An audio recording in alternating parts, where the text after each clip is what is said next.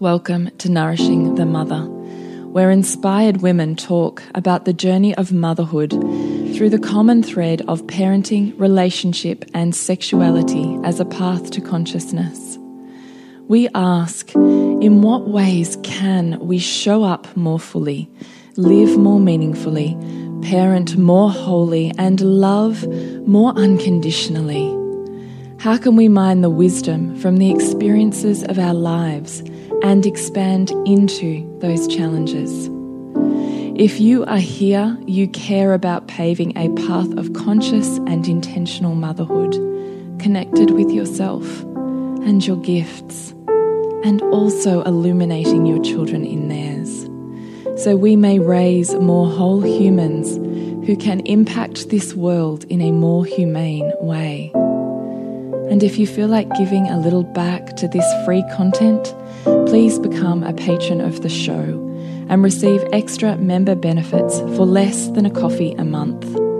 Or you can leave a review on iTunes and Facebook, all of which helps the podcast keep going and reach more mamas who need this type of tonic for the soul. Head on over to patreon.com forward slash NTM podcast to find out more. We are Julie Tenner and Bridget Wood, and we are so grateful you're here.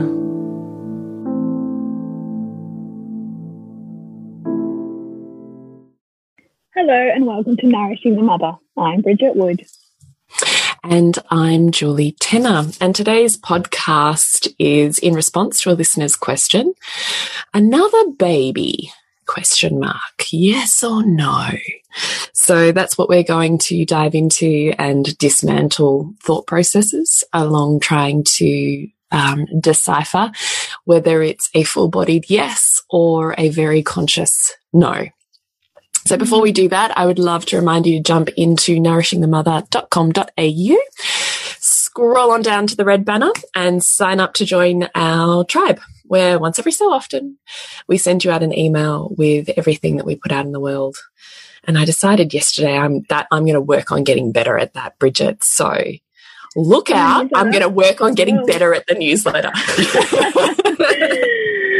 look so, out, Kate. so if you would love a little little more love in your inbox around um, being able to be more gentle with yourself by virtue of understanding a bigger picture than where you find yourself, not simply just gentle, gentle, gentle, because you know that's not how we roll. It's more let's mm. look bigger and find the moment of the heart opening equilibration that gives you mm. the sensation of awe and peace and purpose. So if you would love a little bit more of that, then please join our tribe at nourishingthemother.com.au and we will appear in your inbox every so often. And I would love to also thank the latest beautiful people who have signed up to be a patron of the podcast um, via Patreon. So thank you, Alicia, Christina, and also Sarah. And we have just added in our latest quick reference guide. So whether you choose the $3 or the $8 a month um, support level, you'll get access to monthly quick reference guides, which will help you along parenting, relationship, and personal growth in your mothering journey. So mm. check those out if you're a patron. And here we are streaming again. So also apologies in advance that our sound quality will diminish when we're not able to be in a mic set up together. So here we are back in Melbourne lockdown for COVID with the second wave. So we're back to streaming together. So please bear with the reduction in sound quality as we do our best mm -hmm. to mm-hmm. work with that and around that. And if you're in Seek More, then you have this live streamed as a visual. So we really hope if you're a visual learner and you just love to interact and feel that level of energy with watching our faces and interactions and behind the mm-hmm. scenes faux pas, then enjoy. Those. so Julie, you've yeah, I'm going to read it. Yeah, I am. I would love to say thank you to this listener who wrote in a question. And we do love your questions. If you have a question or a podcast suggestion, we would love it. We would welcome it. We would love to be able to navigate the conversation to where is meaningful for you. So please drop us a DM, a PM, or an email, or whatever feels good if there's something that you would just love to hear us riff on. So thank you to this beautiful listener.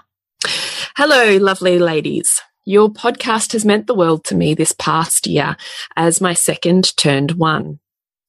I'm so grateful for everything you've taught me. I'd love an episode with some guidance on how to navigate making the decision on whether to have a third. All my friends are at two. Most want three, but no one is sure whether they can manage it. Whether they'll be ruining the beauty and peace in what they've already got, but also no one knows how to let go of the desire for a third and move into the next chapter. So given their lack of guidance, I once again turn to you. What do I need to consider? How do I know it's a full bodied yes? Sending all my love and gratitude. Thank you. There you go. It's a beautiful message, mm. wasn't it? It really was. So, Bridgie, before we jumped on this call, you had this memory drop in of a moment when you were had little tiny baby Sylvie, who was baby number two, in a sling yeah. at three weeks old yeah. at the Wellness Summit. Yeah. Do you want to walk us through that memory? Yeah, I do. So, because it's funny when you when you when you've kind of moved past this stage, it can be harder to put yourself back there. So I said, "Come on, Julie, you remember, don't you?" And Julie doesn't remember this. I don't, but it's not meaningful for me, right? There's a reason yeah, that we exactly. hold memory. Yeah, it's not mm, random. Yeah, exactly. So we were speaking to a female chiropractor actually there, um, and she was talking about how she'd love another. She'd had two already, and you're going, "Go on, like it's amazing! Like you know, there's just always room for more. And and I was had three week old Sylvie in the sling, my second, and I was thinking, no, I think I'm done. and it's so funny because I thought, well, I, I wasn't done, right? Because I have a third. And I think that this is part of that um, the, the, that we we evolve as as mothers and we evolve and shift and change in our values and what's most meaningful to us.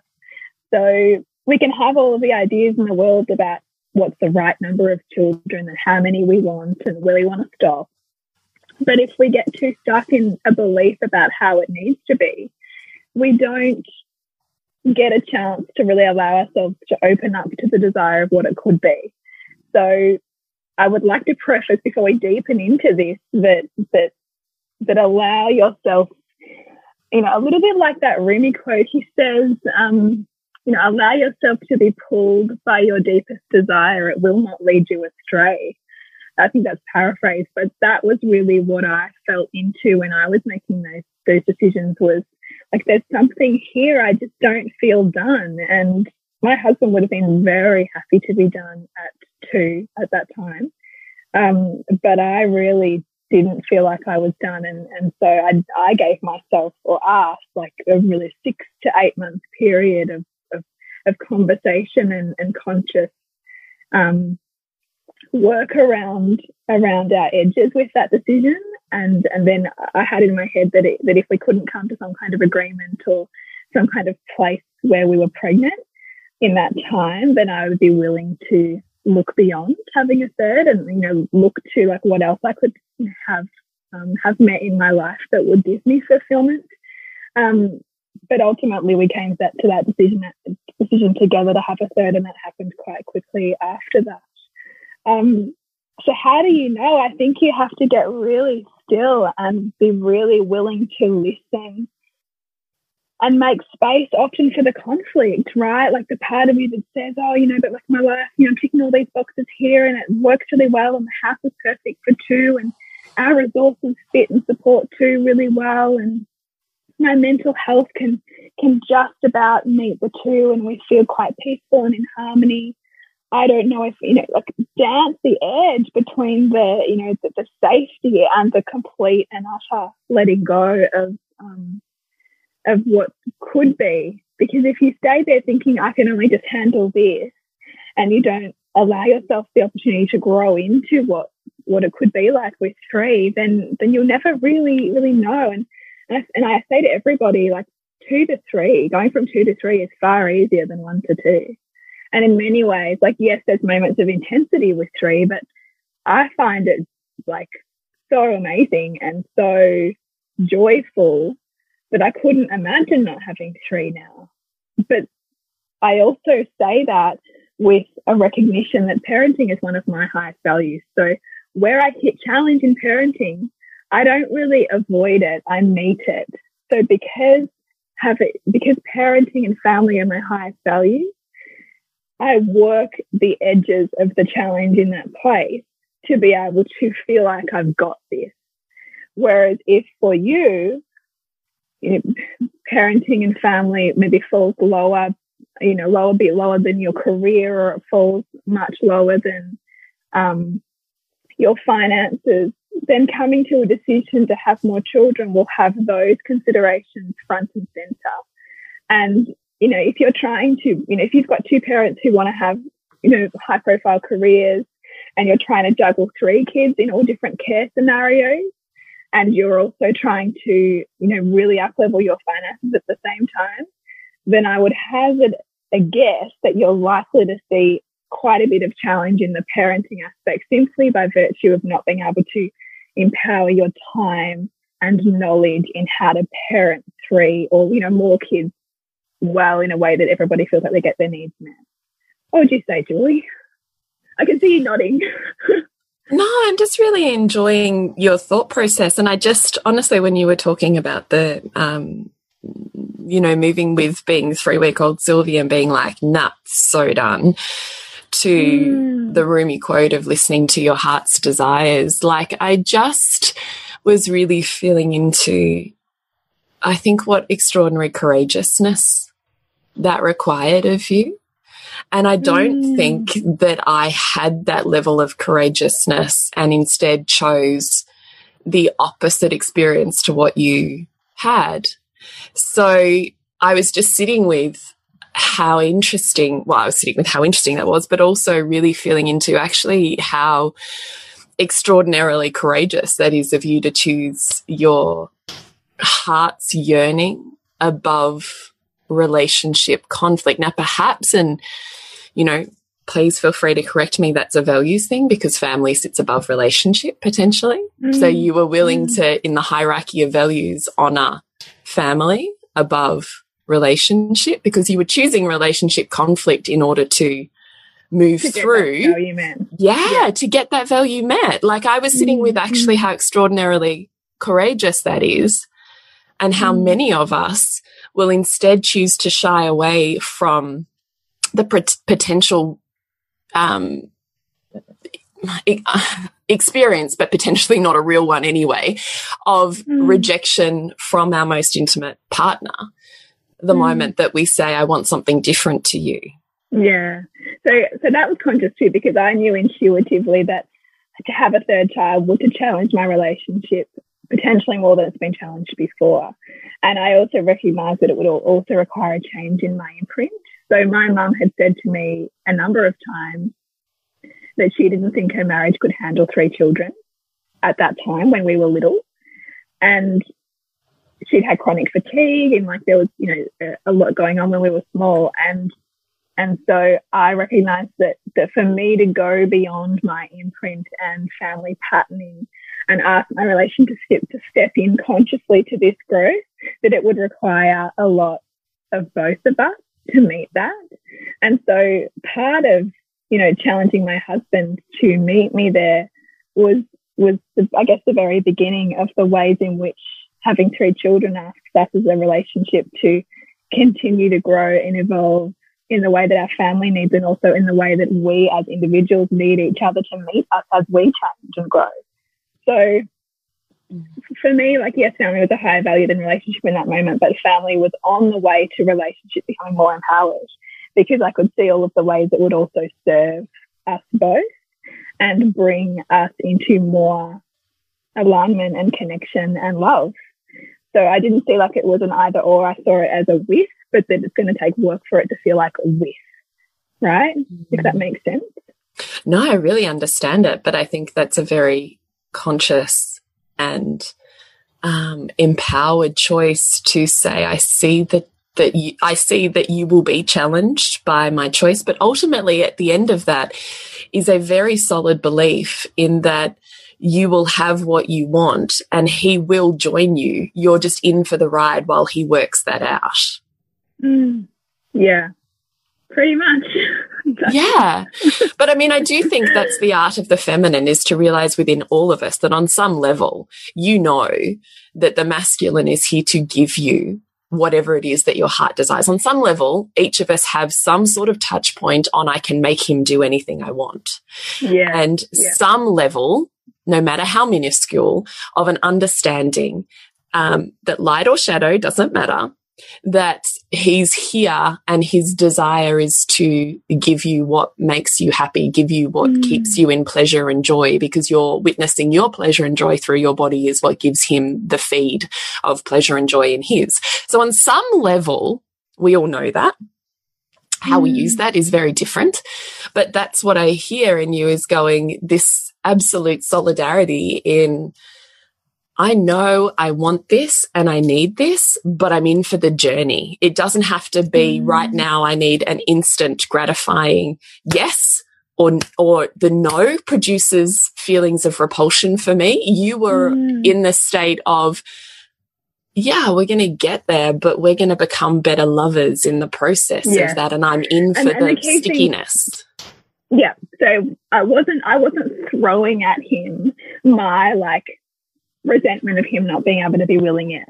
Like, not at all. I was revealing my heart and saying, This is how I feel. I can see how you're feeling right now, but this is how I'm feeling. And I wasn't making him responsible for how I was feeling. I wasn't making him responsible for fixing my feeling, but simply saying, I can see where you're at, but right now I, I can't let go of this desire that I have. And and that was simply how, how it was for a little while until we could each just kind of meet each other and continue to come back into conversation and connection around coming together on that decision. So I think had I said, had, mm. had I somehow made him responsible for my lack of fulfillment here, then it might not have gone that way because then I would be throwing at him my dissatisfaction with that, recognizing that it's a meeting of two people and a meeting of two people's values and how do we make this work for both of us. Um, that was really how I, um, you know, broached it. And similarly with the whole birth thing, like he made it clear from the start that he didn't want to be really part of it. And I could have either blamed him for that or allowed him to be his authentic self and feel safe to tell me that and me empower myself in the way that I wanted to be empowered and that's what I did. Yeah. So his no doesn't become the suppression of your yes. Yeah. Yeah. Yeah. Yeah, but that's what I'm saying. I think it's really conscious. I think it's really, I think it's really courageous and conscious work. I don't think that mm. that's the normal experience, if there's such a thing, mm. anyway. Yeah. Yeah. But I don't think that that's the majority. I think I think that's a skill set. I think that's a willingness mm. in relationship that has advanced beyond win lose. Mm. In order yeah, for you to win, I have to lose, or yeah. in order for me to win, yeah. you have to lose. That you are like, yeah, there's not. There's. I know like, you're how do we both this, win? And I'm going to love you through it. All of your mm. resistance, and I think that's what we're trying to do in parenting. But we often then don't mm. apply that same level of compassion and self responsibility to our partners. We become children in our relationship. Yeah. Yet seek something different with our children. I find it very interesting. it is pretty funny when you put that same lens because ultimately it is, mm. you know, it's a very similar skill set. I mean, it's the same thing like me asking my husband and to step up and me being with his discomfort is the same thing that we ask our children, right? Like, I know that like you can meet this and I'm going to love you through your challenge here. And help you find a way through it, help you find a way for us to both get our needs met. And that yeah. my boundary here is not something that you're responsible for, but it's still my boundary. Yeah. Yeah, it is. Yeah, I really love it. I think mm. in vast contrast to that is my story. so um, I actually disagree with you slightly on that point that what I witness is the biggest, hardest jump is two to three, not one to two. Really? I think you know, that, I found one to two really hard. Well, so interesting, isn't it? I mean, I don't know that there's a mm. golden rule, but what I think I notice mostly out there is when you start moving um, to being in inverted, you know, commas outnumbered, that that becomes mm. the point at which people begin to struggle. So two to three can be challenging because there's no longer the capacity for one to one. At some level, there always has to be a one to two split no matter which yeah. way it goes. And that is the thing that people struggle with the most, is what I witness. So I see that just so you all know as we're having this conversation. And in fact, I need to put a pin in that too, because the fact is, I'm talking about this having only had my third be the age of one.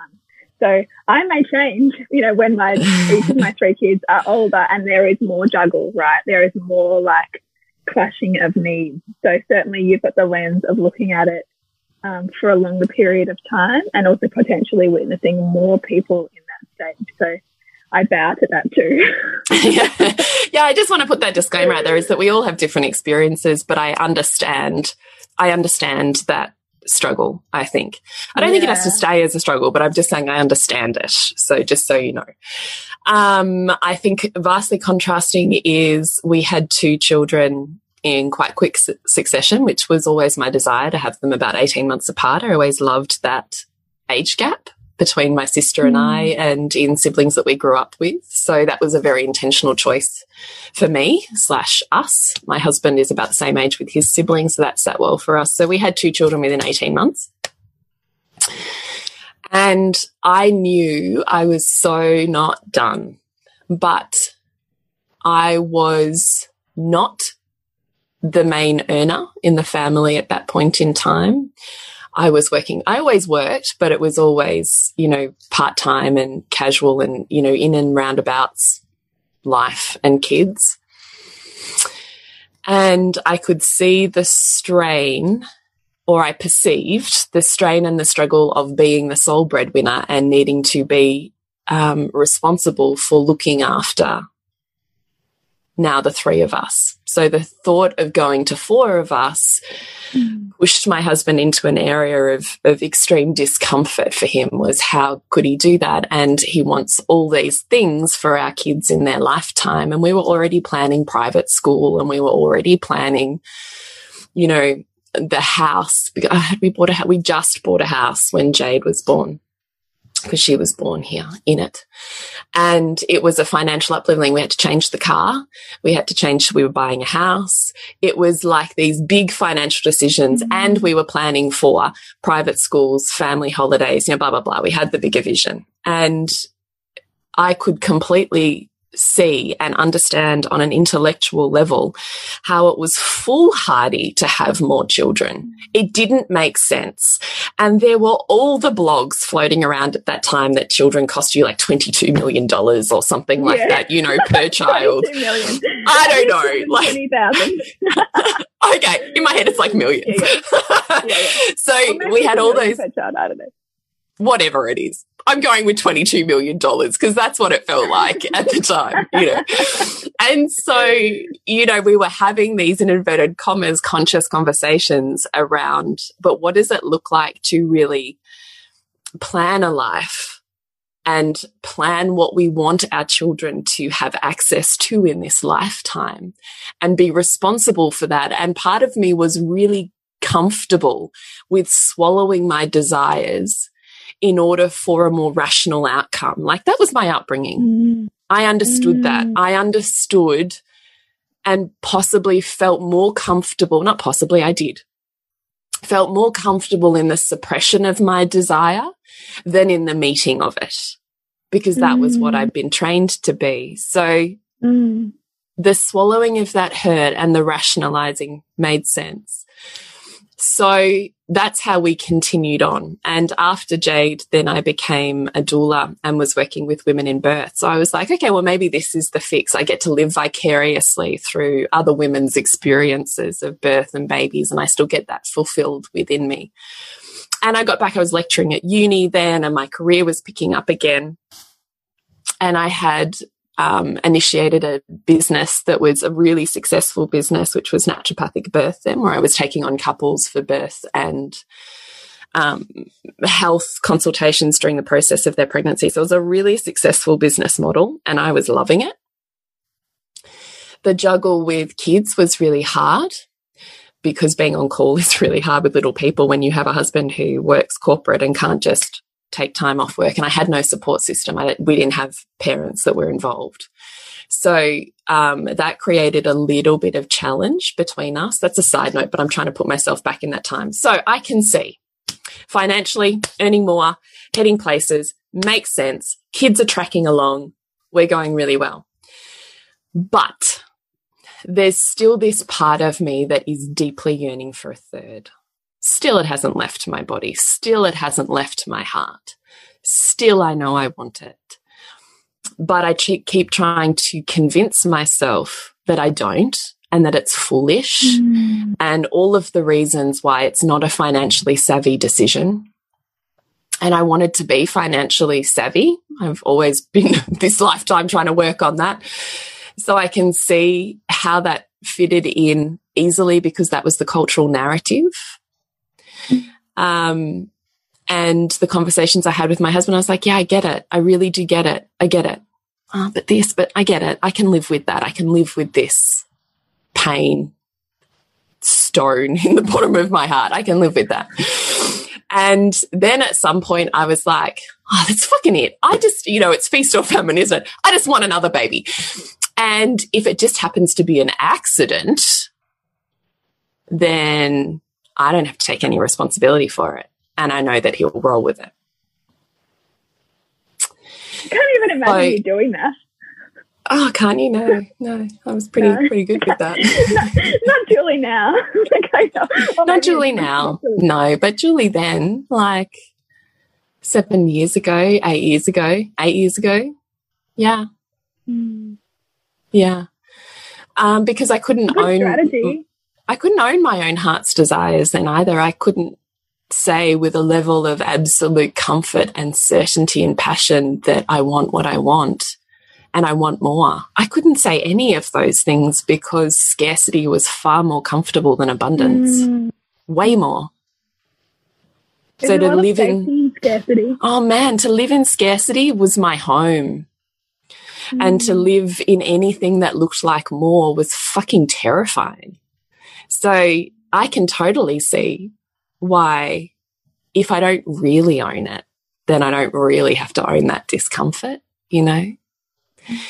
Anyway, so I kind of planned it out in my head. And if you've listened to our miscarriage story uh, podcast, you know this already, but I'll quickly rehash. I was going on a horseback winery tour with a girlfriend and I was like, I know I'm going to get smashed and I'm coming home and he was really like, we were, had booked in a vasectomy. So that's how serious he was and how much I was like knowing it had to be an accident or, you know, it was done for life. And, um, I was like, he was really particular about, um, not having accidents and wearing condoms and, you know, blah, blah, blah. So he was like really, really like avoiding having another baby. So I was also like, well, if I'm just, drunk and just all over him, then he can't, he just can't resist. Still a little bit ashamed that this is my thought process, but here we go. I don't think I've even heard this full story. Haven't you? So that's what I did. I had a really fun horseback winery tour. Although in my head, I'm like, how does that make sense? Horses and drunkenness. I don't understand how that makes sense to anybody. but, really but, that is fun, what we did. Yeah. so I came home really happy. And I remember this moment where he's like, oh, and I'm like, it's so fine. like I knew, I knew. I can literally like our memories are not not false, but I can remember that yeah. moment where I used my feminine manipulation in shadow, not in light. Mm. Because on some level, we all know that he'll do whatever we want him to do. The difference mm. is, is it on his journey or not? That wasn't. Mm. That was very mm. shadowy feminine, but that's what I did. And I did get pregnant. So it was that baby that I witnessed him move through, okay, we're doing this. I can do this with you and we started to slip into easier conversations around um, the third. So I kind of avoided the pain of what you went through, Bridget, of sitting with his discomfort by virtue of the fact that that there was nothing we could do and he was now in the role of protecting his woman and family and that I kind of mm. bypassed that. Though I did not. So this is the thing, right? You actually never escape the challenge. It just morphs form. Mm. So that baby was the one that I had a miscarriage at 12 weeks that I found out in the 12 week scan, expecting a live baby for. And led on to an enormous journey and healing process. And it actually shattered both of us. Like we were both just torn open by virtue of, I think we had just embraced this new version of life and, and seen it open. And so all of the bullshit stories around scarcity and money and all of it just, it didn't even matter anymore. And then it was ripped away from us. Well, that was the perception of it. And so we felt this gaping hole. And it was from that place in the gaping hole that we really connected with the absolute truth. And I was absolutely honest for the first time probably even with myself because the pain was so big. I could only be more honest, you know, mm. with how much I wanted that. And he too, you know, I think all of those stories were from his childhood. He's a scarcity childhood, but in a different version to me. And the being level headed is a safety net for him, though it may not be exactly the life that he desires. It just makes more sense. You know, this kind of mm. stoic craggly, Scroogey kind of vibe. Mm. Um, and still I play with those edges with him even now, but now I can see it. And that's a story for another day. Anyway, so we both got on board and really consciously then I went on a path of investing in my body and my desires and my heart in a way that I had never allowed myself before. Sometimes I think you have to go through death in order to, to birth new life within ourselves.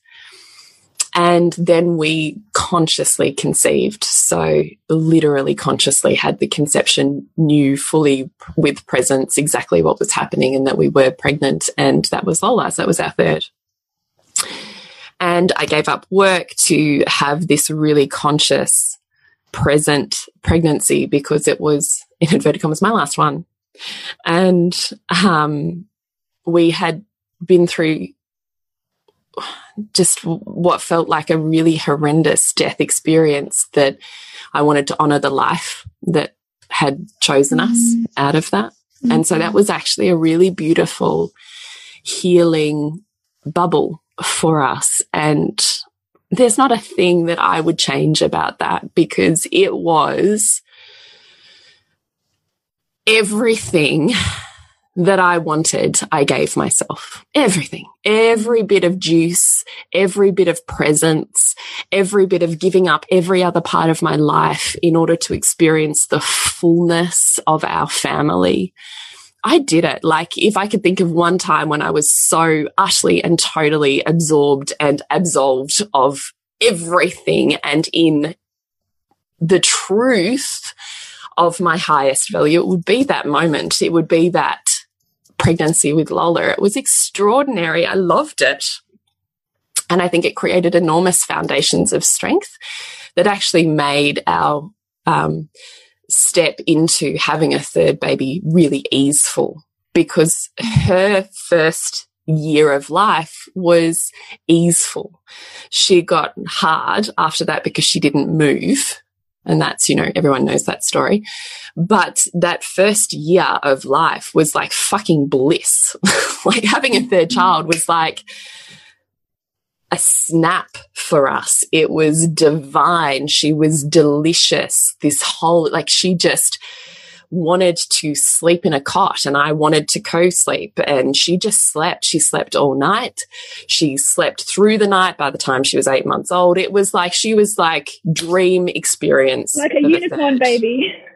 she was just magic. But I wonder how much of that was because we had done all of the hard yards in the lead mm. up to her soul entering this earth You know, like I just, I don't think yeah. that they're separate. We processed a fucking shit ton in her pregnancy and lead up to her conception. Like so much. Mm. And the truth is you don't avoid it. So either you're going to deal with it consciously or it's going to find you. If it doesn't find you in conception, it finds you in pregnancy. If it doesn't find you in pregnancy, it'll find you in birth. If it doesn't find you in birth, yeah. it'll find you in the newborn. Like you don't, you don't ever escape yeah. it. Mm. So you just get to choose it if you want to. So that was our third and it was delicious and beautiful and I loved it. And then I thought we were done. um, so when I think about that, what I wish is that you don't choose what I chose. That's what I wish. Mm. Because there was so much shadow and swallowing of my truest self that was more painful and far less abundant and ecstatic than when I fully honored the truth of who I was mm. and was witnessed by my partner in that. And we created this life that was the truest version of, of me, of us. Like, I think if I had have stayed believing the bullshit that I had in my head about finances and costs and life looking like this, I don't know, employee trajectory, I think half of me would have died. I would have mm. withered up and have been mm. 70 and looked back and been one of those women that would say to her grandchild, don't wait, don't not have what you want, have more babies. And I thought, I can't be that. I got tingles then. Yeah. I can't be that. That's not the truth of who I am. But I had to really fucking process. And it was that that was the very clear line in the sand in my life when I track it back, where I let go of my childhood and my family mm. lineage programming and chose my own. Mm. That's fucking beautiful. That's that is courageous because it's that it's constant work. It's constant yeah. work to choose outside of your lineage and to choose beyond the imprint. Yeah, hundred percent. So that was baby number three. So please don't be in shadow like I was. And please don't manipulate in shadow like I did. Um, and please gain wisdom from my story and choose a path that is more compassionate um, than what I chose, I think. Mm. More like Bridget's story. so then we come to baby number four. And there's a beautiful podcast on that. It's still one of my favorites in here, which is um, Accepting the Unexpected. I think that's what it is, isn't it? Yeah, and it's so beautiful. I love that one because I just never in my life would I have thought I would be the woman that would have four children. And I can't tell you, like, for every way that Lola was easy, Gwen is fucking easier. Like, having four children, I parent way less than what I did with baby one and two. Way less. Mm. because and I think also because I had that huge age gap. So there's like um, nearly seven and nine years between um, one and two and number three. Is that they're so much older that they become like another parent to these two younger children. And so there's always this beautiful fluid dynamic between who's interacting and who's, and because I so consciously parented um, one and two, they had this skill set for meeting emotional states, understanding and interpreting a younger person's experience that meant they were like another influencer like me in the house. And I could mm. step back and they can step up. And there's so much more joy. I can't tell you with every baby, it is like an explosion of joy in my house. And this is the thing with abundance is we think it's still in this scarcity. There's only so much and no more. And the truth is that's fucking bullshit. Is every time you say yes to your heart and it's a truth, more abundance opens. So with every baby, my wage has increased. It hasn't decreased. That's not an accident. So with me, baby one and two, are you right? We should plan. We should, you know, stick with what we've got and work out how to spend our money more wisely, blah, blah, blah. Like finances, be fucking damned. I couldn't have planned it, but that is what has happened. With every baby, my finances have up leveled. That is not an accident. The joy in my home has up leveled. The experience of intimacy with my partner has up leveled. So I don't want there to be this conception of the mainstream, which is, mm. well, win lose. Because that's not true. That's not how I see the world. It's so it's so reductionist, right? And so like it's capping off your potential in so many ways. It's saying that there's only this much when we live in an infinite universe, right? Like yeah, like you can. It all comes down to how much you're willing to grow yourself up in each of those areas, right? And like you know, you, for all of those, you've stepped in and gone, "I want more here." So what does it look like? Exactly. Exactly right.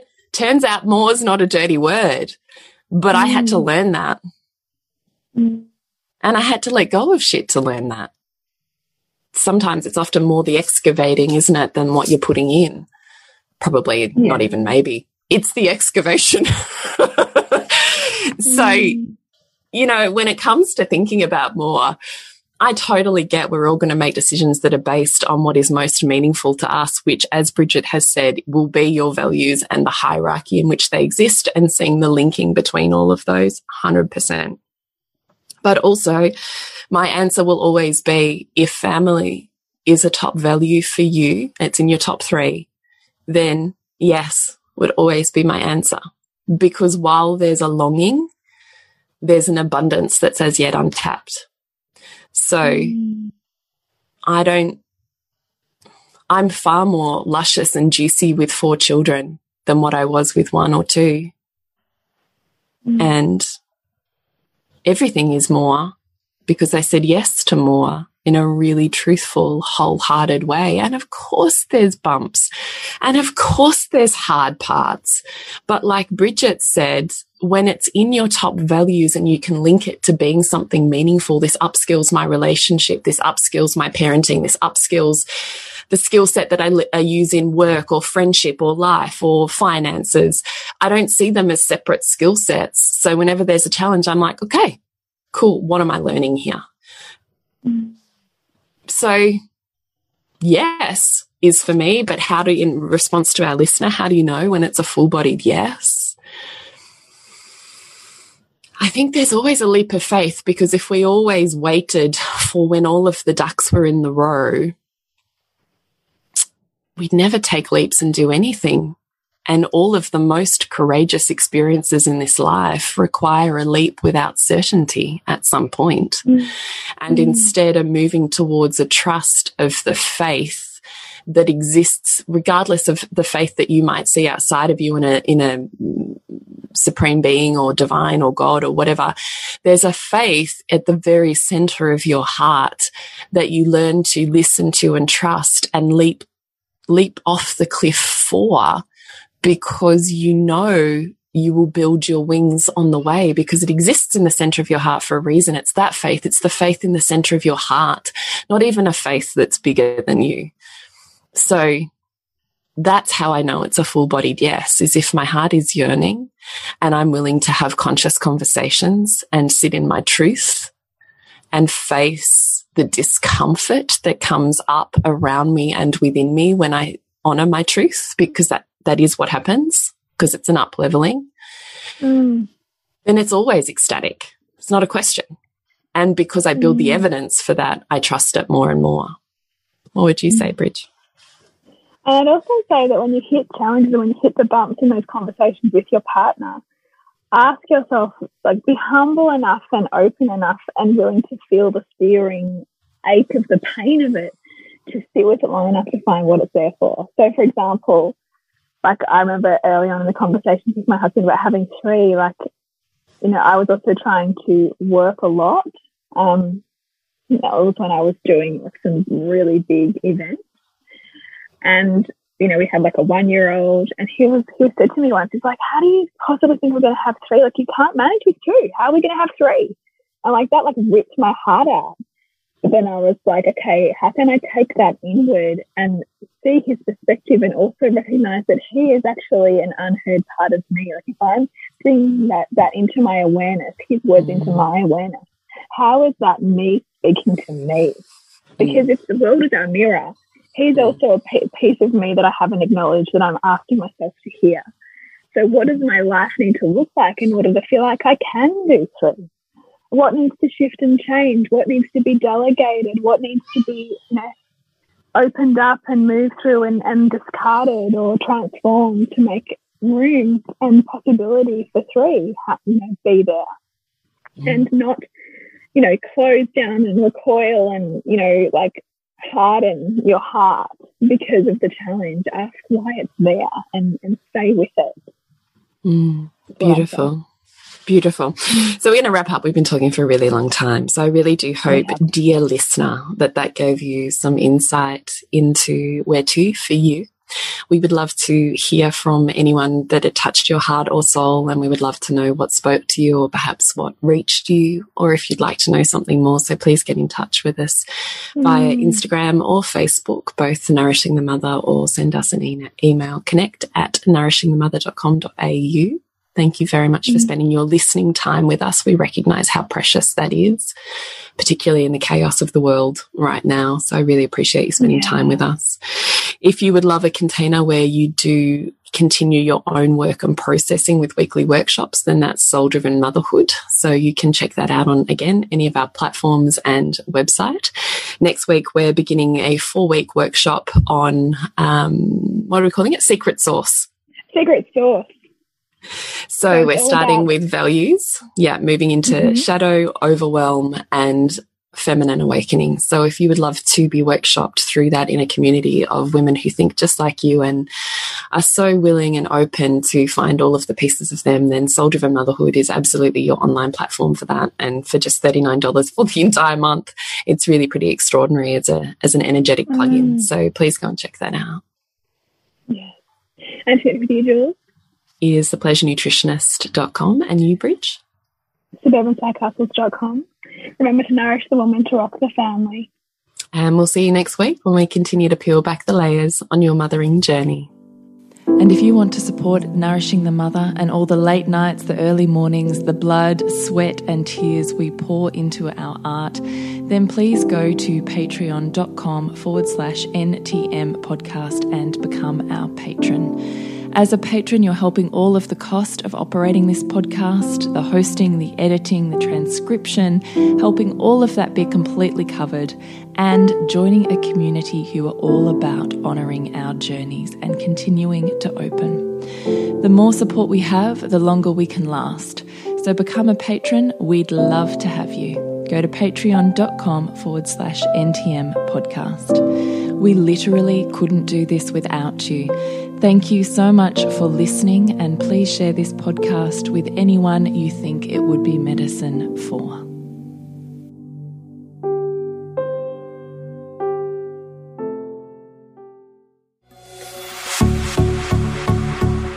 This has been a production of TheWellnessCouch.com. Check us out on Facebook and join in the conversation on Facebook.com forward slash The Wellness Couch.